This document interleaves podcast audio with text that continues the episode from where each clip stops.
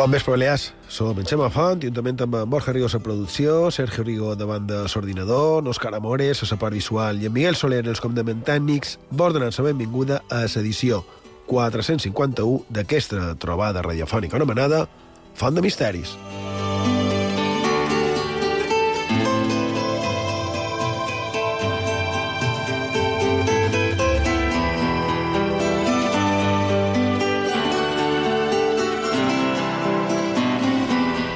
Bon vespre, Borja Rigo. Bon vespre. Sergio Rigo, bon vespre. Bon vespre, Xemà. Bé, avui és dissabte 4 de març de 2023 i hi ha novetats a la coneguda com a la Gran Piràmide de Giza. Eh?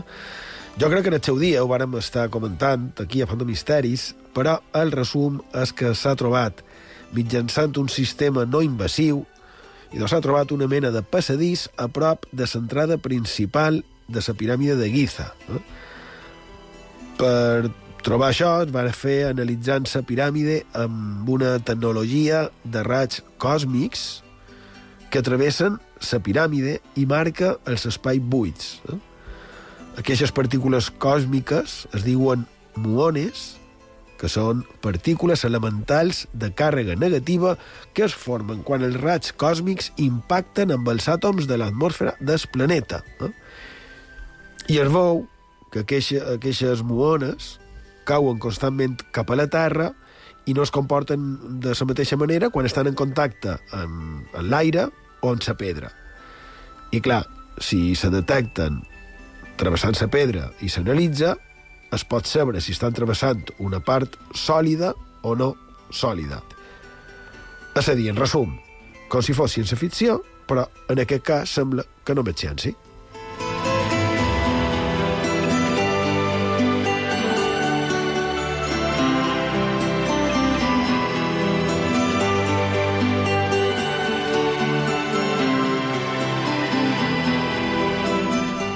Perquè, clar, el tema és que verdaderament amb aquest sistema varen descobrir que hi havia un passadís i ara, amb una càmera endoscòpica, que són aquestes camaretes que, que van en el final d'un cable un cable i que també tenen un jumet, eh, que és el que empleen a la medicina per mirar-nos per dintre, i de, es, es veu que sabent que podia haver qualque cosa per allà, i l'han ficat, supos que per un foradí, i han vist que efectivament hi ha un passadís un passadís de, diuen, com a mínim, uns 9 metres de llarg i més de 2 metres d'amplari.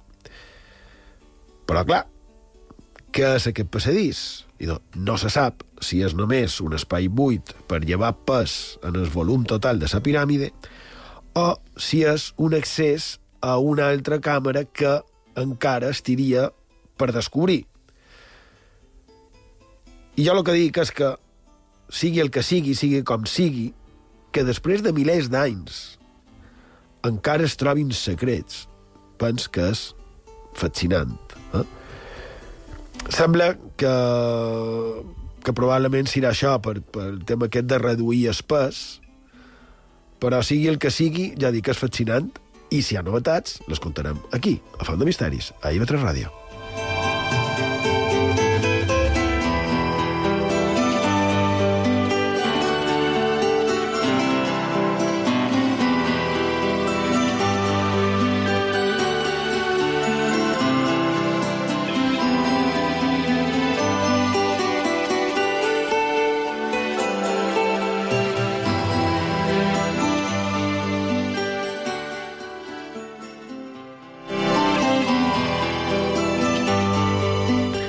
De, no, ara Borja estava comentant una cosa, confirma la data que, que vols mirar, menys si és o no és, no sé si m'estàs parlant del tema aquest que he comentat ara del passadís, perquè te, te despenyes en cada cosa, que ja no sé què, què vols, uh, així que, si un cas, nosaltres, mentrestant, uh, Miguel, si vols, cinc tot un sumari i comencem.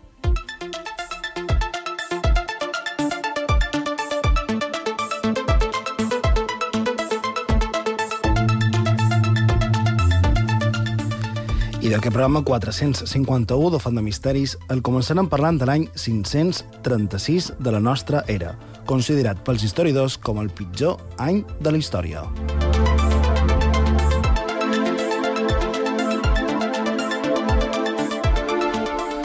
A continuació seguirem amb el mag, alquimista, astròleg i filòsof John Dee i la seva relació amb Balears i Ramon Llull.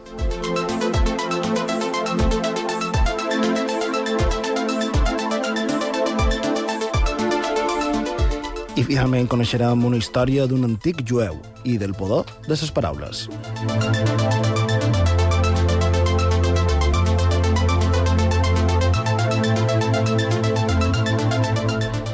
I recordem als oients que mos podeu enviar tot allò que vulgueu en els nostres mitjans de contacte. Ho podeu fer, com sempre, per WhatsApp i Telegram. El número de telèfon és 659 1669 52. Ho repetim, 659 1669 52. També pel correu electrònic fontdemisteris arroba ivetresradio.com fontdemisteris arroba ivetresradio.com també mos podeu seguir a les xarxes socials. A Facebook i a Twitter ho podeu fer cercant Font de Misteris. També a Instagram. Allà mos trobareu cercant Font de Misteris i B3. I si voleu poder recuperar tots els nostres programes d'aquesta onzena temporada i de les anteriors. Ho podeu fer en el servei de carta d'IV3 Ràdio, a ivetresradio.com, a les diferents plataformes de podcast i a la nostra plana web, fontdemisteris.com.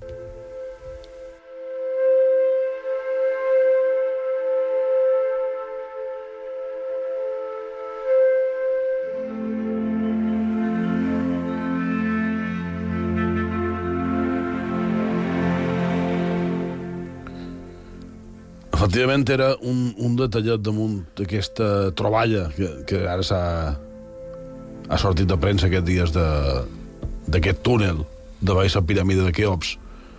Res, ara, vostè, vostè cercat, no he acabat de trobar exactament el que volia, però sí comentar que ja d'entrada, l'any 2017, se va dir que aquest túnel existia. Bueno, jo crec que ho vàrem dir aquí a Font de Va, Misteris. va haver Me sona, moltes, sona que ho molt- sí, comentar. va haver moltes crítiques per part de, de la ideologia oficial per aquesta afirmació, i el més curiós és que, evidentment, no se va poder demostrar en el seu moment, però ja en el segle XIX se'n parlava d'aquest túnel.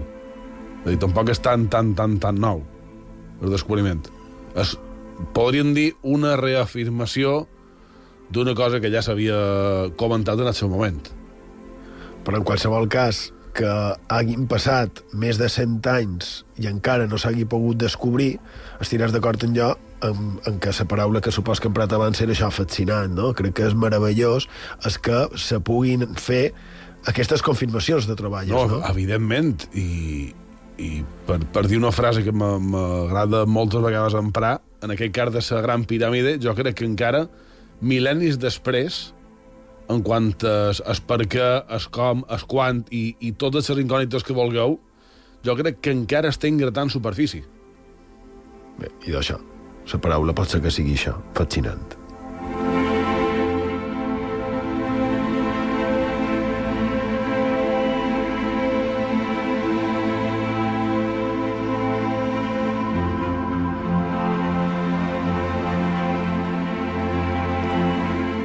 I de vinga, anem amb el que havíem dit en el sumari. Sergio Rigo, mos vols parlar de l'any 536 de la, de la nostra era, no? I de si avui volem parlar ni més ni manco del pitjor any de la història, que sembla que per consens ha estat elegit així pels historiadors. Però, i per què el 536 està considerat així? Què va passar?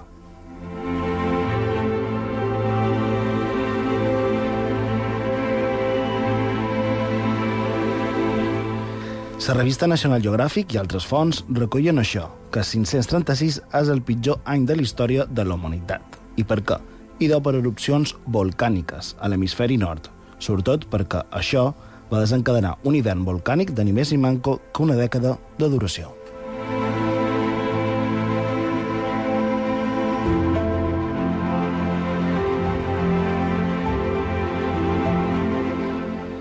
Xina, per exemple, se van sofrir neus estivals i les temperatures mitjanes a Europa van baixar un 2,5 graus. Els cultius, a conseqüència d'això, no van sortir endavant i, per tant, la gent va passar fam i començaren les lluites entre uns i els altres.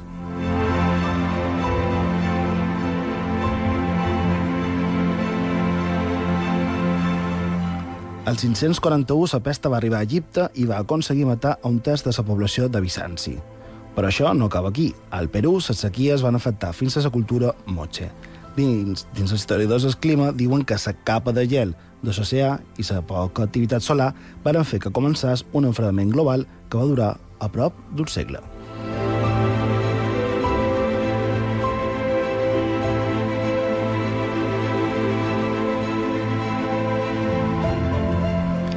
També diuen que moltes de les societats de l'any 530 no varen poder sobreviure. Per exemple, aquell any 536, l'historiador bizantí Procopio va dir s'ha produït un presagi molt temible i el senador romà Cassiodoro va assenyalar a l'any 538 el sol pareix haver perdut la seva llum habitual i té un color blavós. Es meravia no veure les sombres dels nostres cossos al migdia i sentir que el poderós vigor del seu calor s'ha debilitat.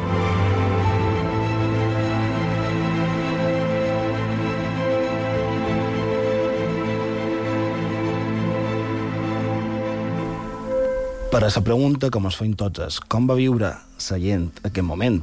I de les fonts ens fan entendre que aquell 536 segurament la gent no sabia el que estava passant o no era conscient.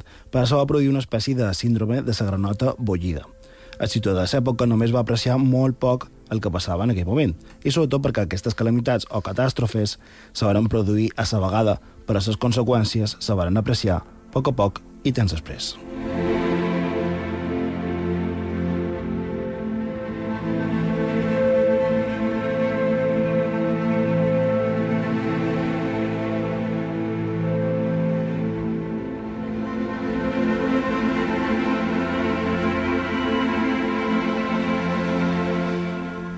això que, que has dit de la granota bullida és aquella teoria, bé, jo crec que està demostrada fins i tot empíricament, no? que si poses una granota dins d'un recipient amb aigua freda i la vas encalentint, a poc a poc, la granota conté capacitat d'adaptar la seva temperatura, el que farà serà això, anar variant la seva temperatura corporal per no cremar-se. Però què passa? Que la granota, quan se n'adona que la calor ja l'impideix regular-se mmm, l'impideix regular-se encara més del que hauria de menester, i doncs ja ha esgotat totes les seves forces en adequar la seva temperatura, no? i no li quedarien forces per botar de l'aigua quan aquesta ja està massa calent o ja comença a bullir. I, clar, acaba morint. I bé, eh, aquest símil ens serveix per moltes coses. També per a definir una situació com la que es diu que es va viure en aquella època. Tu has dit l'any 536.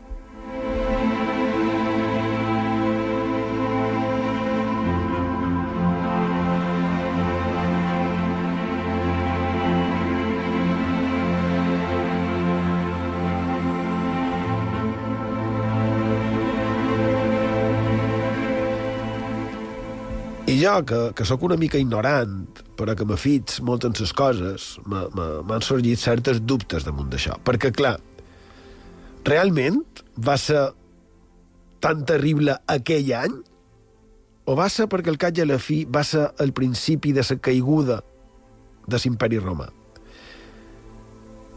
Pensant que va ser l'any, per exemple, que fins i tot el, jo diria que legítim papa de Roma, Sant Silveri, va morir de fam, com sona. El tancaren a una illa i allà va morir de fam per no haver-se sotmès a, a Justinià, a, a l'emperador.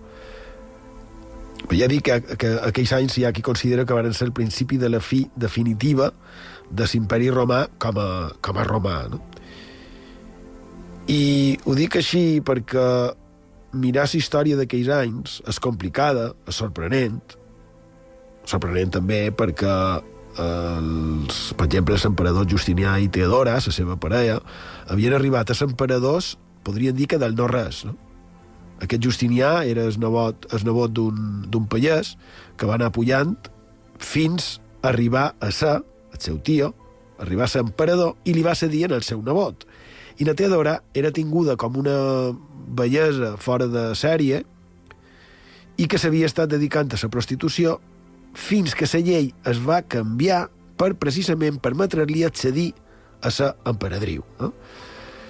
I bé, jo he consultat la història d'en Gibbon relatiu a I2 i la part de, de Netedora és d'allò més tràgic, encara que també, per altra banda, és que és molt complicat. També diuen que va ser molt caritativa.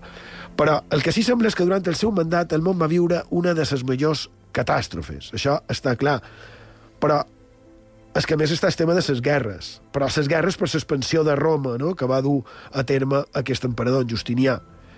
I d'ell tenim que, segons en, en Procopi, que l'ha citat, en Procopi de Cesarea, l'historiador, que bé, no és que fos molt neutral. A més, crec que va, va escriure, és curiós això també, perquè hauria escrit dues històries, l'oficial i la suposadament vertadera. Però en Procopi deia segons reconeixen altres fonts, com Història de la decadència, Història i decadència i caïda de l'imperi romano, el volum tercer del que he citat, de Edward Gibbon, del segle XVIII, diu «No hay datos para cerciorarse y computar, ni aun para conjeturar el número fenecido en mortandad, en mortandad tan extrema, extremada. Solo hallamos que por espacio de tres meses, 5.000 y luego hasta 10.000 personas venían a fallecer diariamente en Constantinopla, que muchas ciudades del oriente quedaron despobladas y que en varios distritos de Italia la mies y la vendimia se quedaron sin esquilmo. Se di que había vendimia.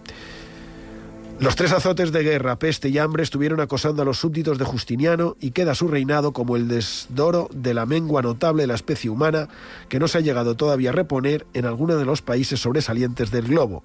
I ens diu que traduït en número de persones podríem estar parlant de prop de 100 milions de morts.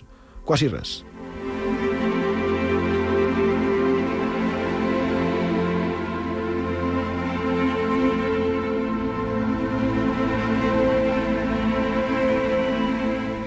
I per veure com estava la situació en aquell moment, mos serveix això altre, que ho he estret del llibre La història de los papas, de Juan María Laboa, i referit en, en Silveri, diu Silverio, anys de papat 536-537, diu hijo del papa Hormisdas, fue elegido por voluntad del rey Teodato, quien al poco tiempo fue destituido por sus soldados y asesinado.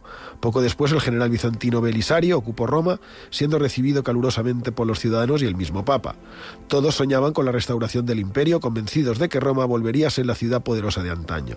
Entre los años 537 y 538, los ostrogodos sitiaron Roma, defendida por los muros aurelianos de 18 kilómetros de extensión. Sin embargo, la guarnición dirigida por Belisario contaba con pocos efectivos frente a un ejército godo que, Pro, que Procopio, su historiador, estimó con cierta exageración en 150.000 soldados. Silverio fue acusado de traición y exiliado por orden de Belisario y por las intrigas de su mujer Antonina. Detrás de esta conspiración se encontraba la emperatriz Teodora, ayudada por el diácono Virgilio, quien finalmente, y tras haber utilizado todos los medios, llegará a ser papa. La acusación era manifiestamente falsa, pero todos actuaron sin escrúpulos y utilizaron la simonía para conseguir sus fines. Silverio, que papa que dit abans, murió en la isla Pataria, vigilado por dos sicarios de vigilio, seguramente de hambre. Abdicó antes de morir.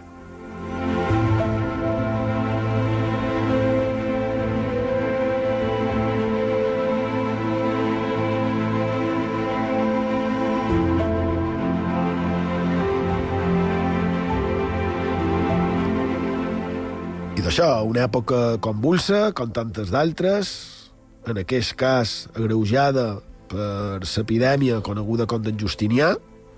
Varen parlar d'aquesta epidèmia fa més de dos anys, quan varen fer alguns programes parlant d'altres epidèmies al llarg del temps, no? que mostràvem, aquest programa ens mostrava, volíem mostrar com n'hi ha hagut sempre d'epidèmies, de, de pandèmies, eh? ja fossin provocades per una o una altra causa, no entrarem ara amb això, però que sempre hi ha hagut, i en aquell temps hi va haver una que, que també, i que juntament amb probablement l'erupció que tu has dit, Sergio, d'un volcà, que pot ser que fos islandès, a Islàndia, afegit a tot l'altre, es diu que podria acabar amb a prop d'una quarta part de la població mundial.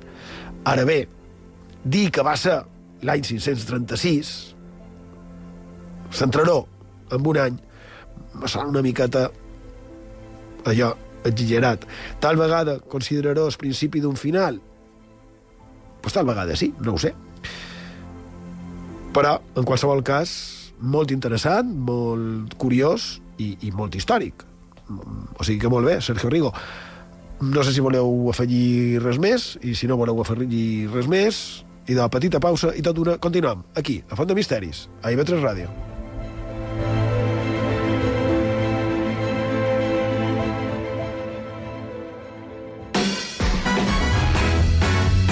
IB3 Ràdio.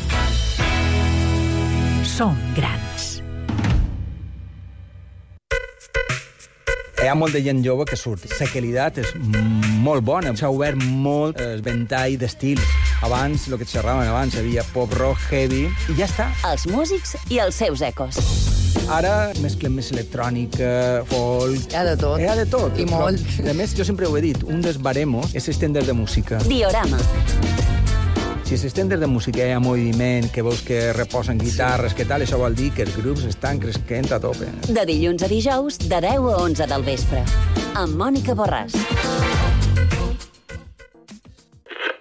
Repassam 18 anys d'història. Bona nit i benvinguts al primer programa de Menorca a 45 revolucions. Simplement la pretensió és posar música que punxarem en vinil, només posem música en vinil i parlarem sobre ella. I'm walk the streets of love. Oh, Katy, Katy, vuelvo a recordar. Benvinguts en aquest raconet des del qual començam cada setmana una passejada per aquells ambients, per aquells sons que encara són un autèntic tresor per aquells que els varen viure intensament des de la mateixa música o des de la barra d'una discoteca de moda. Hola, bon vespre a tots. Soc el Llorenç de Santa Maria i aquest programa es diu Sgt. Peppers. A IB3 Ràdio podreu escoltar la música que a mi m'agrada.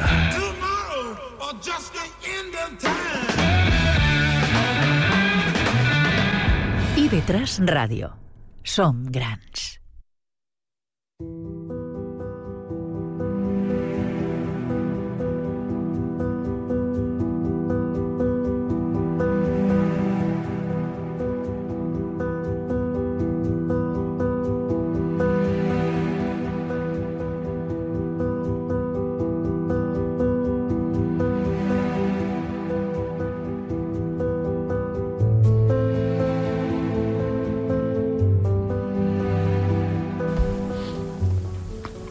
Seguim a Font de Misteri, sintonia d'IV3 Ràdio, la ràdio pública de les Illes Balears, a Menorca, mos podeu trobar en el 88.6 de la freqüència modulada i reprenem una mica un tema, com has anunciat, Sergio, en el sumari, perquè en Borja va parlar l'altre dia d'en John Dee i, i allò se me va ocórrer tractar de vincular-lo amb les nostres illes i per aquell motiu vaig aprofundir en ell fins que vaig trobar un nexe que crec que és ben sorprenent, que el relacionava directament amb, com a mínim, Menorca i Mallorca, a més d'en Ramon Llull.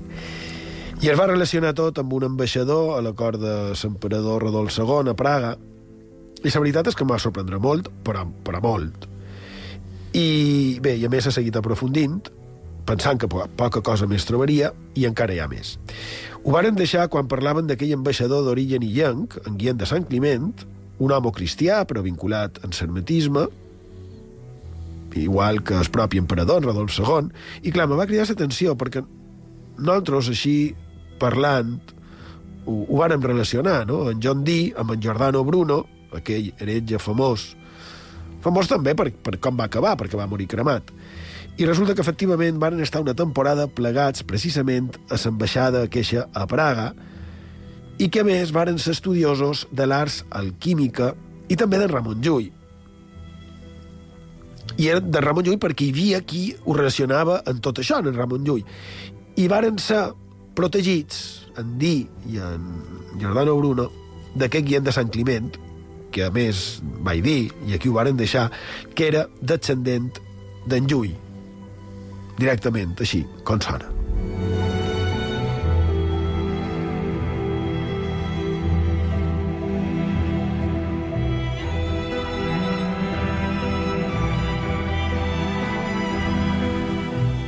Ho teniu en el programa, crec que és el 449, però basta que ho cerqueu en el cercador d'internet posant Font de Misteris heretges i vos sortirà això. I dels casos que he volgut saber més damunt de, de tot això i és això, que és un caramull de curiositats, el manco per jo. Com, per exemple, com així en Rodolf II li degué acceptar en aquell anglès, en, en John Dee, a, a Praga, Per molt que estigués a casa de l'ambaixador espanyol, no? Que sí, que tenia bona, bona relació amb ell, però, però per què? I d'allò diria que bàsicament per dos motius principals. Primer, per relació personal. Perquè resulta que en Rodolf II era nebot d'en Felip II i va estar a Madrid a la cort, a la cort de, del rei Felip II, des de 1564 a 1571, fins que s'anà cap a Bohèmia per, precisament, coronar-se emperador. I allò en dir, a la seva vegada, Felip II l'havia conegut uns anys abans, quan ell, en Felip II, havia estat a la corte d'Isabel, a Anglaterra, on en dir, fins que va fugir, és a dir, en aquell moment, en dir, era qualque cosa semblant a filòsof reial.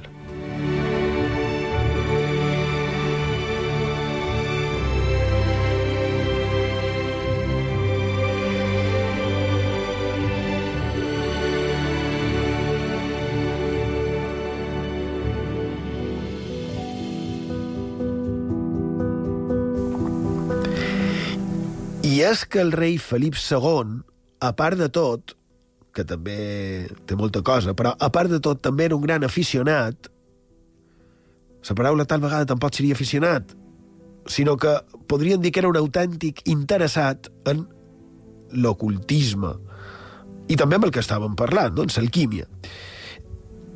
Ell i molt d'altres, com per exemple aquest que deien, Rodolf II, que va donar aquest recé a John Dee.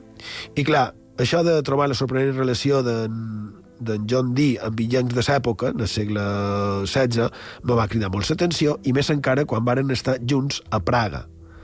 La màgica, encisadora i sorprenent Praga. I allà tenim un caramull de temes misteriosos, històrics, anecdòtics, truculents. Per començar, que pensar d'una ciutat que té un carrer que es diu el carrer dels alquimistes. Perquè precisament es diu que allà vivien i era on tractaven de trobar la pedra filosofal i els, i els seus secrets, no? Que d'acord, que probablement els alquimistes, els alquimistes no vivien just allà, però en qualsevol cas seria a prop d'allà, no? I parlant també d'aquest carrer, del carrer dels alquimistes, si me permeteu, una petita metàfora, diguéssim, que poètica, no? Allà va viure, allà sí, un altre alquimista, un altre tipus d'alquimista, no? En Franz Kafka sí que va viure allà.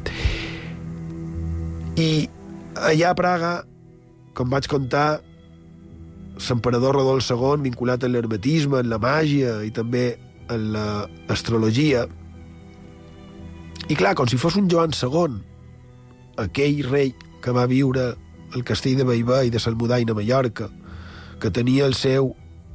El manco un, segur, però que tenia el seu propi alquimista, en plantilla, podríem dir, no? a sou. I de l'emperador Rodolf II també va fer anar amb ell, en el que ell, ell pensava que podien ajudar en les seves recerques, no? aquelles recerques que consistien en trobar la pedra filosofal, aquella que, transmuta, que té aquesta capacitat de transmutar en bo un altre material, i també, evidentment, la pedra filosofal que tindria el secret de l'immortalitat.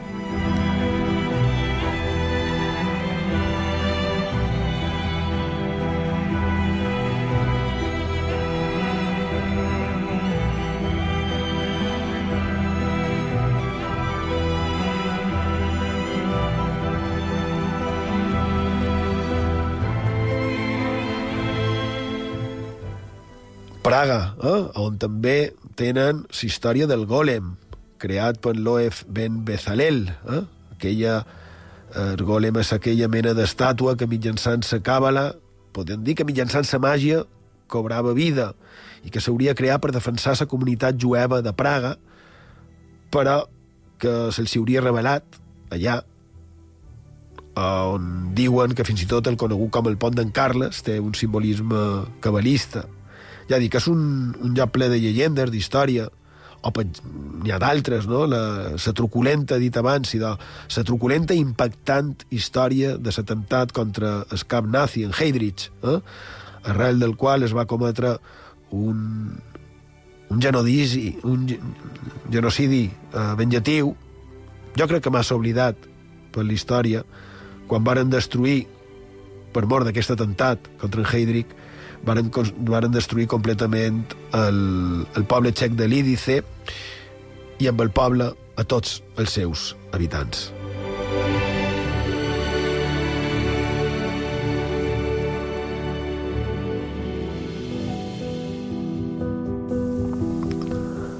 Praga, la fascinant i atractiva ciutat, també coneguda com la de les 100 torres, i que també va acollir en Mozart i que va ser residència de multitud de jueus.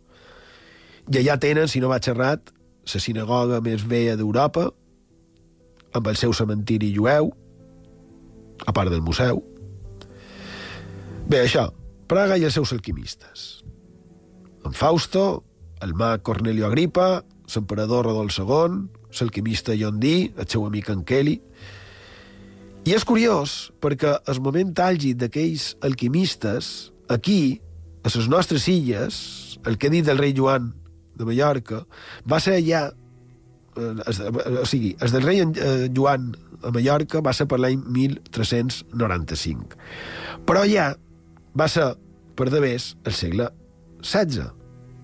Just després del descobriment, o tal vegada hauríem de dir redescobriment, d'Amèrica, i no només d'Amèrica, sinó també d'altres bandes, no? com Socià Pacífic, etc. Aquest redescobriment per part dels europeus, no? A una època, el Renaixement, amb adelants científics, però que a la vegada va ser un bon moment per tot allò més desconegut i més hermètic, no? Alquímia, màgia, astrologia, i entre ells estava l'emperador, el Rodol II, que hi ha qui diu que va anar-se'n de Viena per anar a Praga precisament per això, per aquesta part més màgica de la ciutat. Que, per cert, Praga seria una ciutat amb ja un origen també eh, estrany. Se suposa que on s'havia de fundar la ciutat ho va marcar un cavall quan una reina de Bohèmia cercava on fundar una ciutat. I el cas és que segles després un emperador tindria també fascinació per tot això més eh, màgic, més ocult. I ell guardava, no sé si col·leccionar seria la paraula, però guardava pedres precioses. I, clar, en tot això no és estrany que pogués creure a tots aquells que s'atracaven en el seu imperi cercant la seva protecció, el seu recolzament, no? El recolzament d'un emperador que s'havia iniciat, diuen, en aquestes arts a Espanya. Però qui encaure, en, en, encara de creure en tot això, castigava amb fermesa aquells que li volia, o ell pensava que li volien prendre el pèl. I entre els que se li atracaren estaven aquells dos, en John Dee i en Kelly. I d'ells mos diu el llibre Les ciudades mágicas, de Nangenberg, on parla de, ciutat, de ciutats eh, com Tebas, Jerusalem, Roma, i, i entre d'altres parla de Praga, i diu la aventura más extraordinaria es la referente a dos ingleses, John Dee y Edward Kelly. El primero fue un auténtico hermetista, el segundo recordaba algo al tipo del charlatán. Sin embargo, Kelly fue quien recibió todos los honores. John Dee, famoso en Inglaterra por sus trabajos filosóficos, había recibido un don maravilloso en forma de cristal negro, tallado en facetas y montado en oro. Gracias a esta piedra, el hermetista inglés evocaba una entidad astral al que él llamaba el ángel verde y que en sus apariciones le llevaba una esfera de oro que contenía el polvo de proyección. Gustav Meinring recuerda así esta operación de magia ceremonial. La mesa de cinco puntas, cuyo espejo llenaba casi toda la estancia, centelleó cuando Kelly, titubeando como un borracho, encendió los cirios, uno tras otro, con un tizón. Nos sentamos, según el orden prescrito, en las cátedras de alto respaldo. Las dos puntas inferiores del pentagrama estaban orientadas hacia occidente, es decir, hacia la ventana abierta por la que penetraba el aire frío de una clara noche de luna. Entonces, de pronto, mi boca se puso a hablar sola y pronuncié la fórmula ritual con una voz atronadora y cavernosa que me pareció de un ser absolutamente extraño a mí.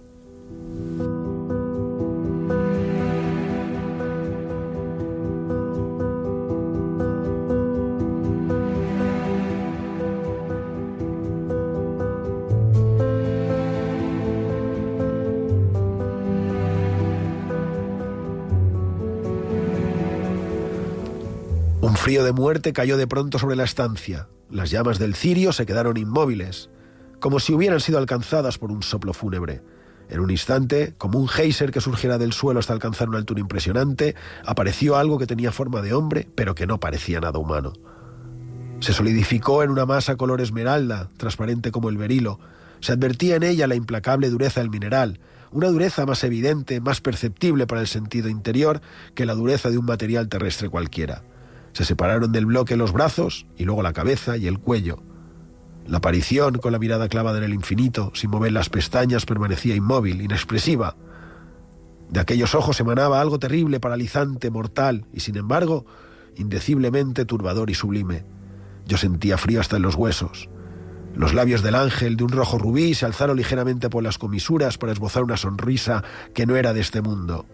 A la pregunta ¿Quién eres? respondió la aparición, el mensajero de la puerta de Occidente. John Dee pidió al ángel que le diera la piedra filosofal y éste declaró, Has hecho bien en buscar por el oeste, en el reino verde. Esto me place, pienso darte la piedra. El ángel reapareció a continuación y dio al alquimista el polvo rojo que tanto deseaba. La fama de John Dee y de Edward Kelly, que en realidad se llamaba Talbot, llegó hasta el palacio de Rodolfo II, el cual mandó llamar a los dos hermetistas. Dee y su compañero se entrevistaron con el emperador varias veces.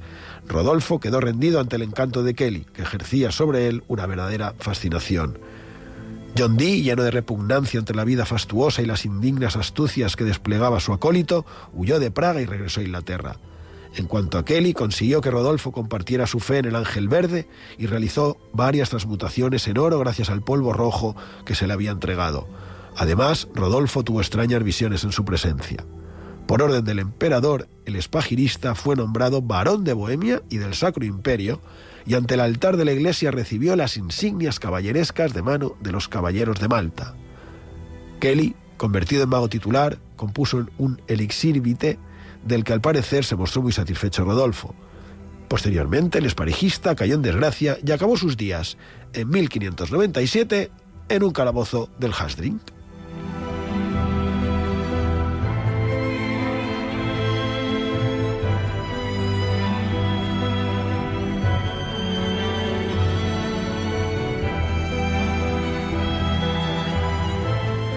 I és que el cas d'en Kelly, com d'altres, és interessant perquè mostra això, no? Com, com no tots els que hi anaven tenien un bon final. Com el mateix que han dit abans és l'alquimista de Mallorca, que va acabar tancat a presó, precisament acusat d'haver estafat el rei. I en el cas de Rodolf II, apassionat per les anomenades ciències ocultes, bé també per més coses, com pels rellotges i, i enginys mecànics, i de, aquesta afició de l'emperador per aquestes coses li va posar una situació, diguem, que incòmoda a l'Església Catòlica, perquè ell era catòlic i romà i estava mesclant-se amb altres que es podrien considerar heretges, no? i fins i tot amb alguns que acabaren empresonats i condemnats a mort. Perquè l'heretgia era, segons com i aquí, era perseguida i era castigada, i segons quines arts ocultes acabaven ben malament. Fins i tot per aquest motiu, per, per acusar-ho d'heretge, es va suspendre el procés de beatificació d'en Llull. I parlant d'en Llull, que tot això venia per això, la relació de John Dee i les nostres illes, eh, que era el que volíem comentar, i doncs, segons això tenim que John Dee no és que s'interessés pel Llull, alquimista, és que més s'hauria fet amic i protegit per un poderós, noble i influent suposat descendent d'en Llull.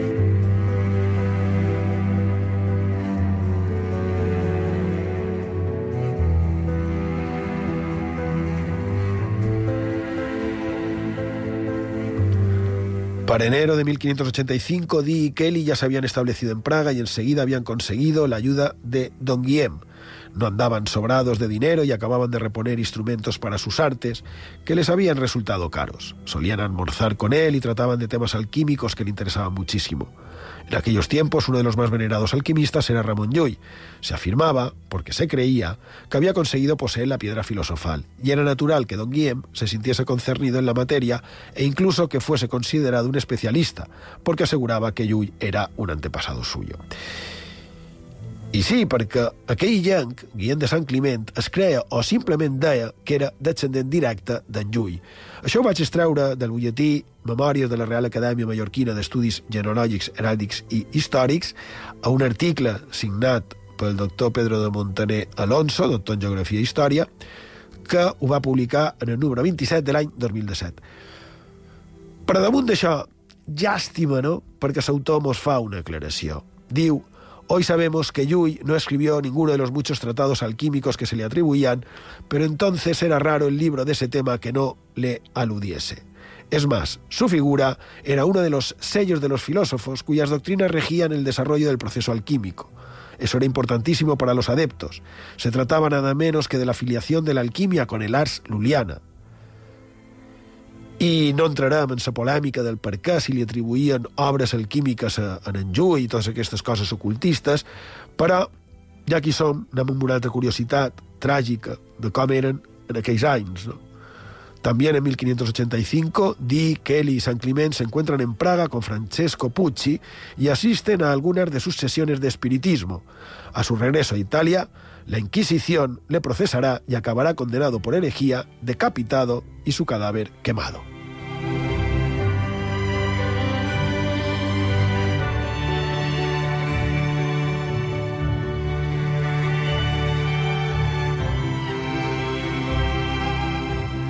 Però seguim en la relació entre Guillem de Sant Climent i en John Dee, segons aquest butlletí. Don Guillem intimó rápidamente con Dee, tanto que fue padrino de bautismo de su hijo Michael Dee en la Catedral de Praga. I clar, mos, mos deixa palès aquesta relació, aquesta estreta relació, però ja hem vist com se les gastaven, no? Així que Pronto, Dee y su adivino, entre cometas, Kelly, volvieron a tener muy serios problemas. Presionado por consejeros muy católicos, Rodolfo II les expulsó de Praga y fueron a parar a Alemania. Don Guillén continuó enfrascado en sus investigaciones alquímico-lulianas, le resultaba un deber familiar y así se explica que nada menos que el controvertido Giordano Bruno estudiase con él en Praga el ars luliana y le dedicase su tratado lulístico de Specierum.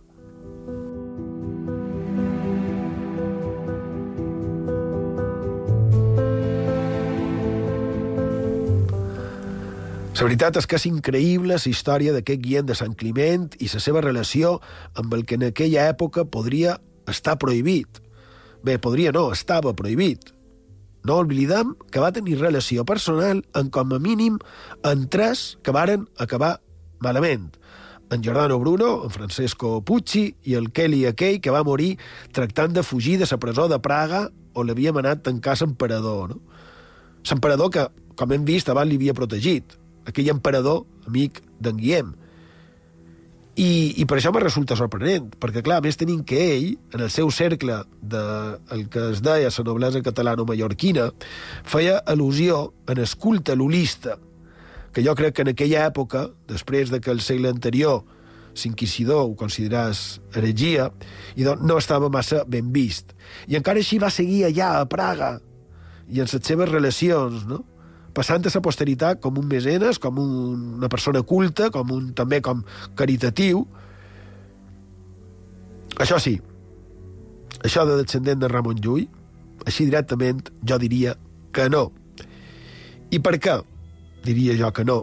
I de perquè en el seu dia, fa temps ja d'això, un dels més reputats lulistes, el felanitxer, el pare Antoni Oliver Montserrat, me va dir que es creia que a partir del segle XIV ja no hi quedaven descendents directes d'en Llull. La seva branca directa s'havia extingida. Eh? Això no vol dir, clar, que no pogués ser de la mateixa família dels Lluís, encara que crec que aquesta dada és irrellevant, no? Però no així altres que trobar fent aquesta recerca, com el cas d'algun, un ermità, també mag i alquimista del segle XV, que residia a les nostres illes i que hi havia qui el considerava com el mestre dels mestres en l'art d'invocar dimonis i esperits, que coneixia els seus secrets tant per bé com per malament i que va ser una gran influència també a nivell europeu, un ermità del segle XV que vivia a les nostres illes. Però que això ja seria una altra història.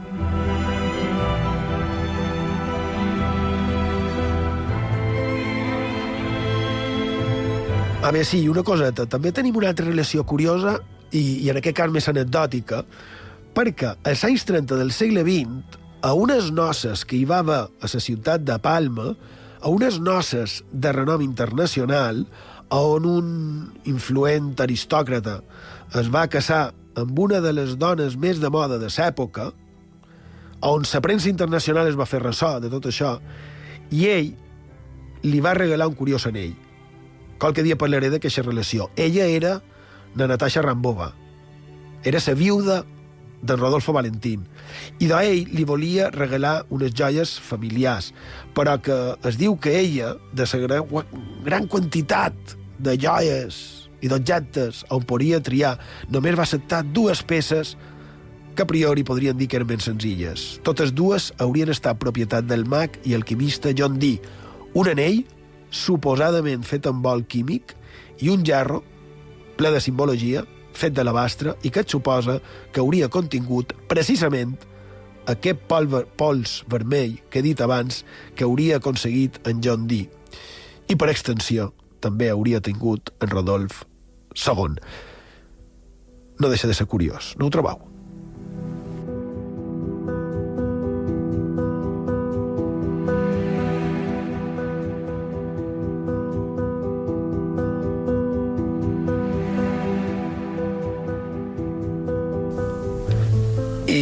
Crec, si ara ho barrejam tot una micoia, Borja Rigo, vens tu amb una història antiga de- d'un jueu. I de sí, tenc una història ben curiosa i sorprenent que mos du en el segle II. El seu protagonista és el rabí Meir, per ventura desconegut pel gran públic, però extremadament important a la seva terra, Israel, i també fora, tant en el seu temps com a segles posteriors. Resulta que en certa ocasió els romans van detenir a un altre rabí, en Janina Bentarion, i a la seva dona, per ensenyar la Torà en públic, cosa prohibida per l'imperi en aquells temps. Resulta que eren els sogres de Meir. Per si fos poc, a la seva cunyada la van tancar a un prostíbul de per vida. I clar, ell, en Meir, se va decidir a ajudar.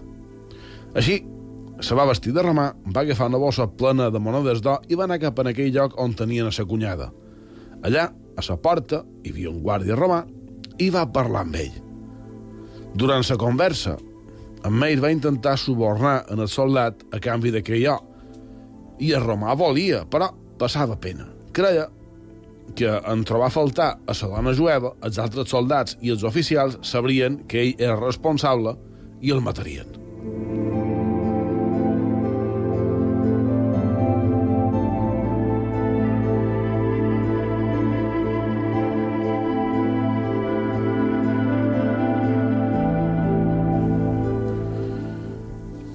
Com no se posaven d'acord, en, en Meir li va dir que partís aquella, una part per ell i l'altra pels oficials. I el soldat va dir que igualment, en acabar-se els adobers, el matarien igual. El rabí li va respondre lo següent. Si això t'arriba a passar, has de dir aquestes paraules. Elaja de Meir Aneni. És a dir, Déu de Meir respon. Clar, aquell soldat no ho veia gens clar. Per això va demanar com li salvarien aquelles paraules en cas d'extrema necessitat. I el rabí ho va demostrar. Va anar cap a un grup de cans salvatges que havia arribat a aquella zona i que, més, ja havien mort a mossegades a unes quantes persones. I quan en Mer ja està rodejat per aquelles bèsties, amb, podríem dir no gaire simpàtiques intencions, va pronunciar ses paraules i els animals van fugir espantats. Això va convèncer el soldat qui, a canvi d'això, va entregar en aquella jove.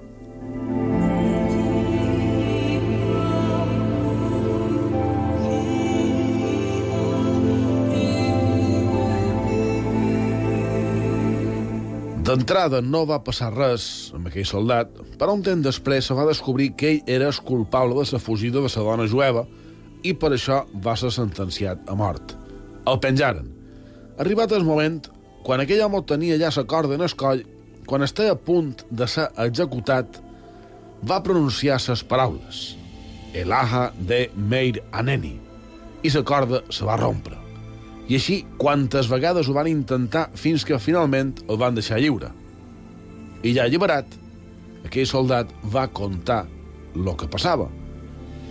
Per aquesta i altres històries, el rabí Meir se va fer famós i fins i tot va rebre el malnom de propietari o amo dels miracles. La mort li va arribar a l'exili mentre estava a Babel, ja que els romans el perseguien. D'allà, un pic mort va ser traslladat a la ciutat de Tibèria, ja Israel.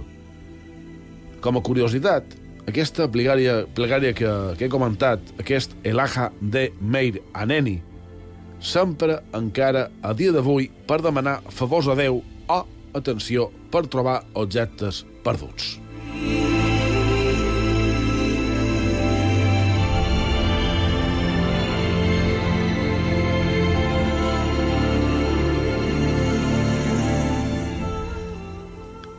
Bé, també per trobar objectes perduts està això de... que es diu... Eh, San Cucufato. Sí, el San Ramon Nonato. Lo, no sé què teatro. Sí, los no sé què, no, sí saps que és, no sé què saps el que és. Eh, de totes maneres, sí que has fet un, un resum una miqueta de tot el que hem parlat en el programa, perquè has ficat eh, el rabí, abans hem parlat, parlat del rabí de Praga, has ficat O, has parlat d'imperi romà, de, de càbala, de sa màgia de les paraules, eh, no ho sé, una miqueta tot, fins i tot podríem dir que transmutació, no? I fins i tot, perdona, has parlat de que la corda es va rompre. En. Kelly, en Kelly se va matar perquè fugint de la presó, la corda es va rompre. En aquest li va salvar la vida, però en Edward Kelly el va matar perquè va caure una, cap a baix. Una, una mostra, i ja que parlant d'alquímia, no, de que tot és una sola cosa, el que està dalt està a baix, etc etc. Etcètera, etcètera. Sí, senyor. Crec que està molt interessant aquesta història de d'aquest rabí. M'ha agradat.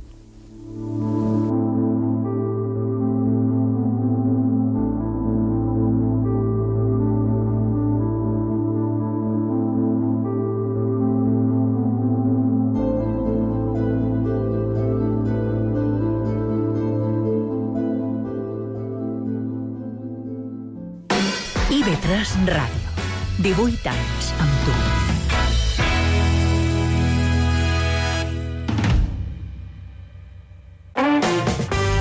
Dissabte i diumenge entra en òrbita. Òrbita 3, 3. Punxant la banda sonora del cap de setmana, aquí, a IB3 Ràdio. Dissabte i diumenge, Òrbita 3 amb Tito Fuster. Dissabte i diumenge, la informació continua actualitzada a les 8 del matí i a les 2 del migdia als informatius cap de setmana de la ràdio pública. IB3 Ràdio. Serveis informatius.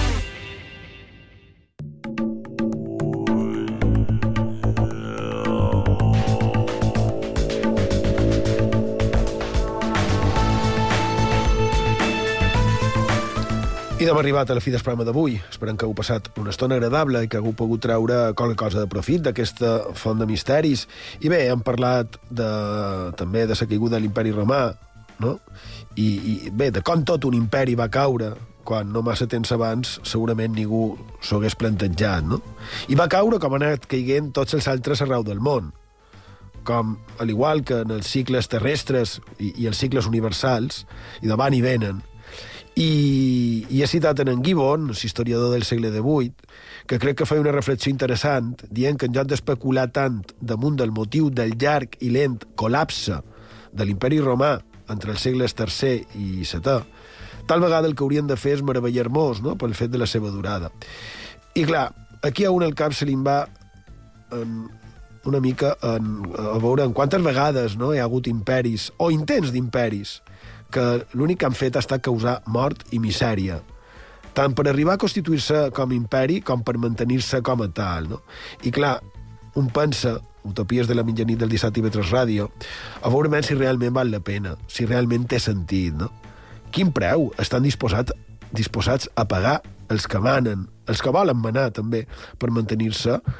Basta pegar una ullada a la història per veure com mantenir l'hegemonia ha estat a causa de destruir els dels costats, són els més febles, a molt d'aspectes i per molt de motius. I tanmateix, els que hi ha ara, abans o després, també deixaran d'assistir i vendran altres. I referit en el que hem estat comentant de l'any 536, quantes semblances no hi ha, no? No sé si ho trobeu el mateix. I és que, malgrat que hagin passat 1.500 anys, la pena és que podem afirmar, sense cap tipus de dubte, que la humanitat, com a espècie, no té remei. Això sí, com a individus, individualment, la majoria és, som, intentem ser bona gent. I jo crec que queixa és l'única i la verdadera esperança.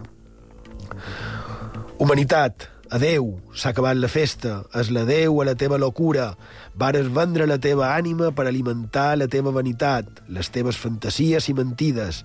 Ets una, got, una gota a la pluja, només un nombre, no un nom, i no ho veus, i no ho creus. Hi ha un preu a pagar per tots els jocs egoistes que vares jugar. I és que sabeu, el futur és a les nostres mans. Dels Scorpions, Humanity, Humanitat. Allí, Pau, bona nit. Gràcies per la vostra companyia i fins demà.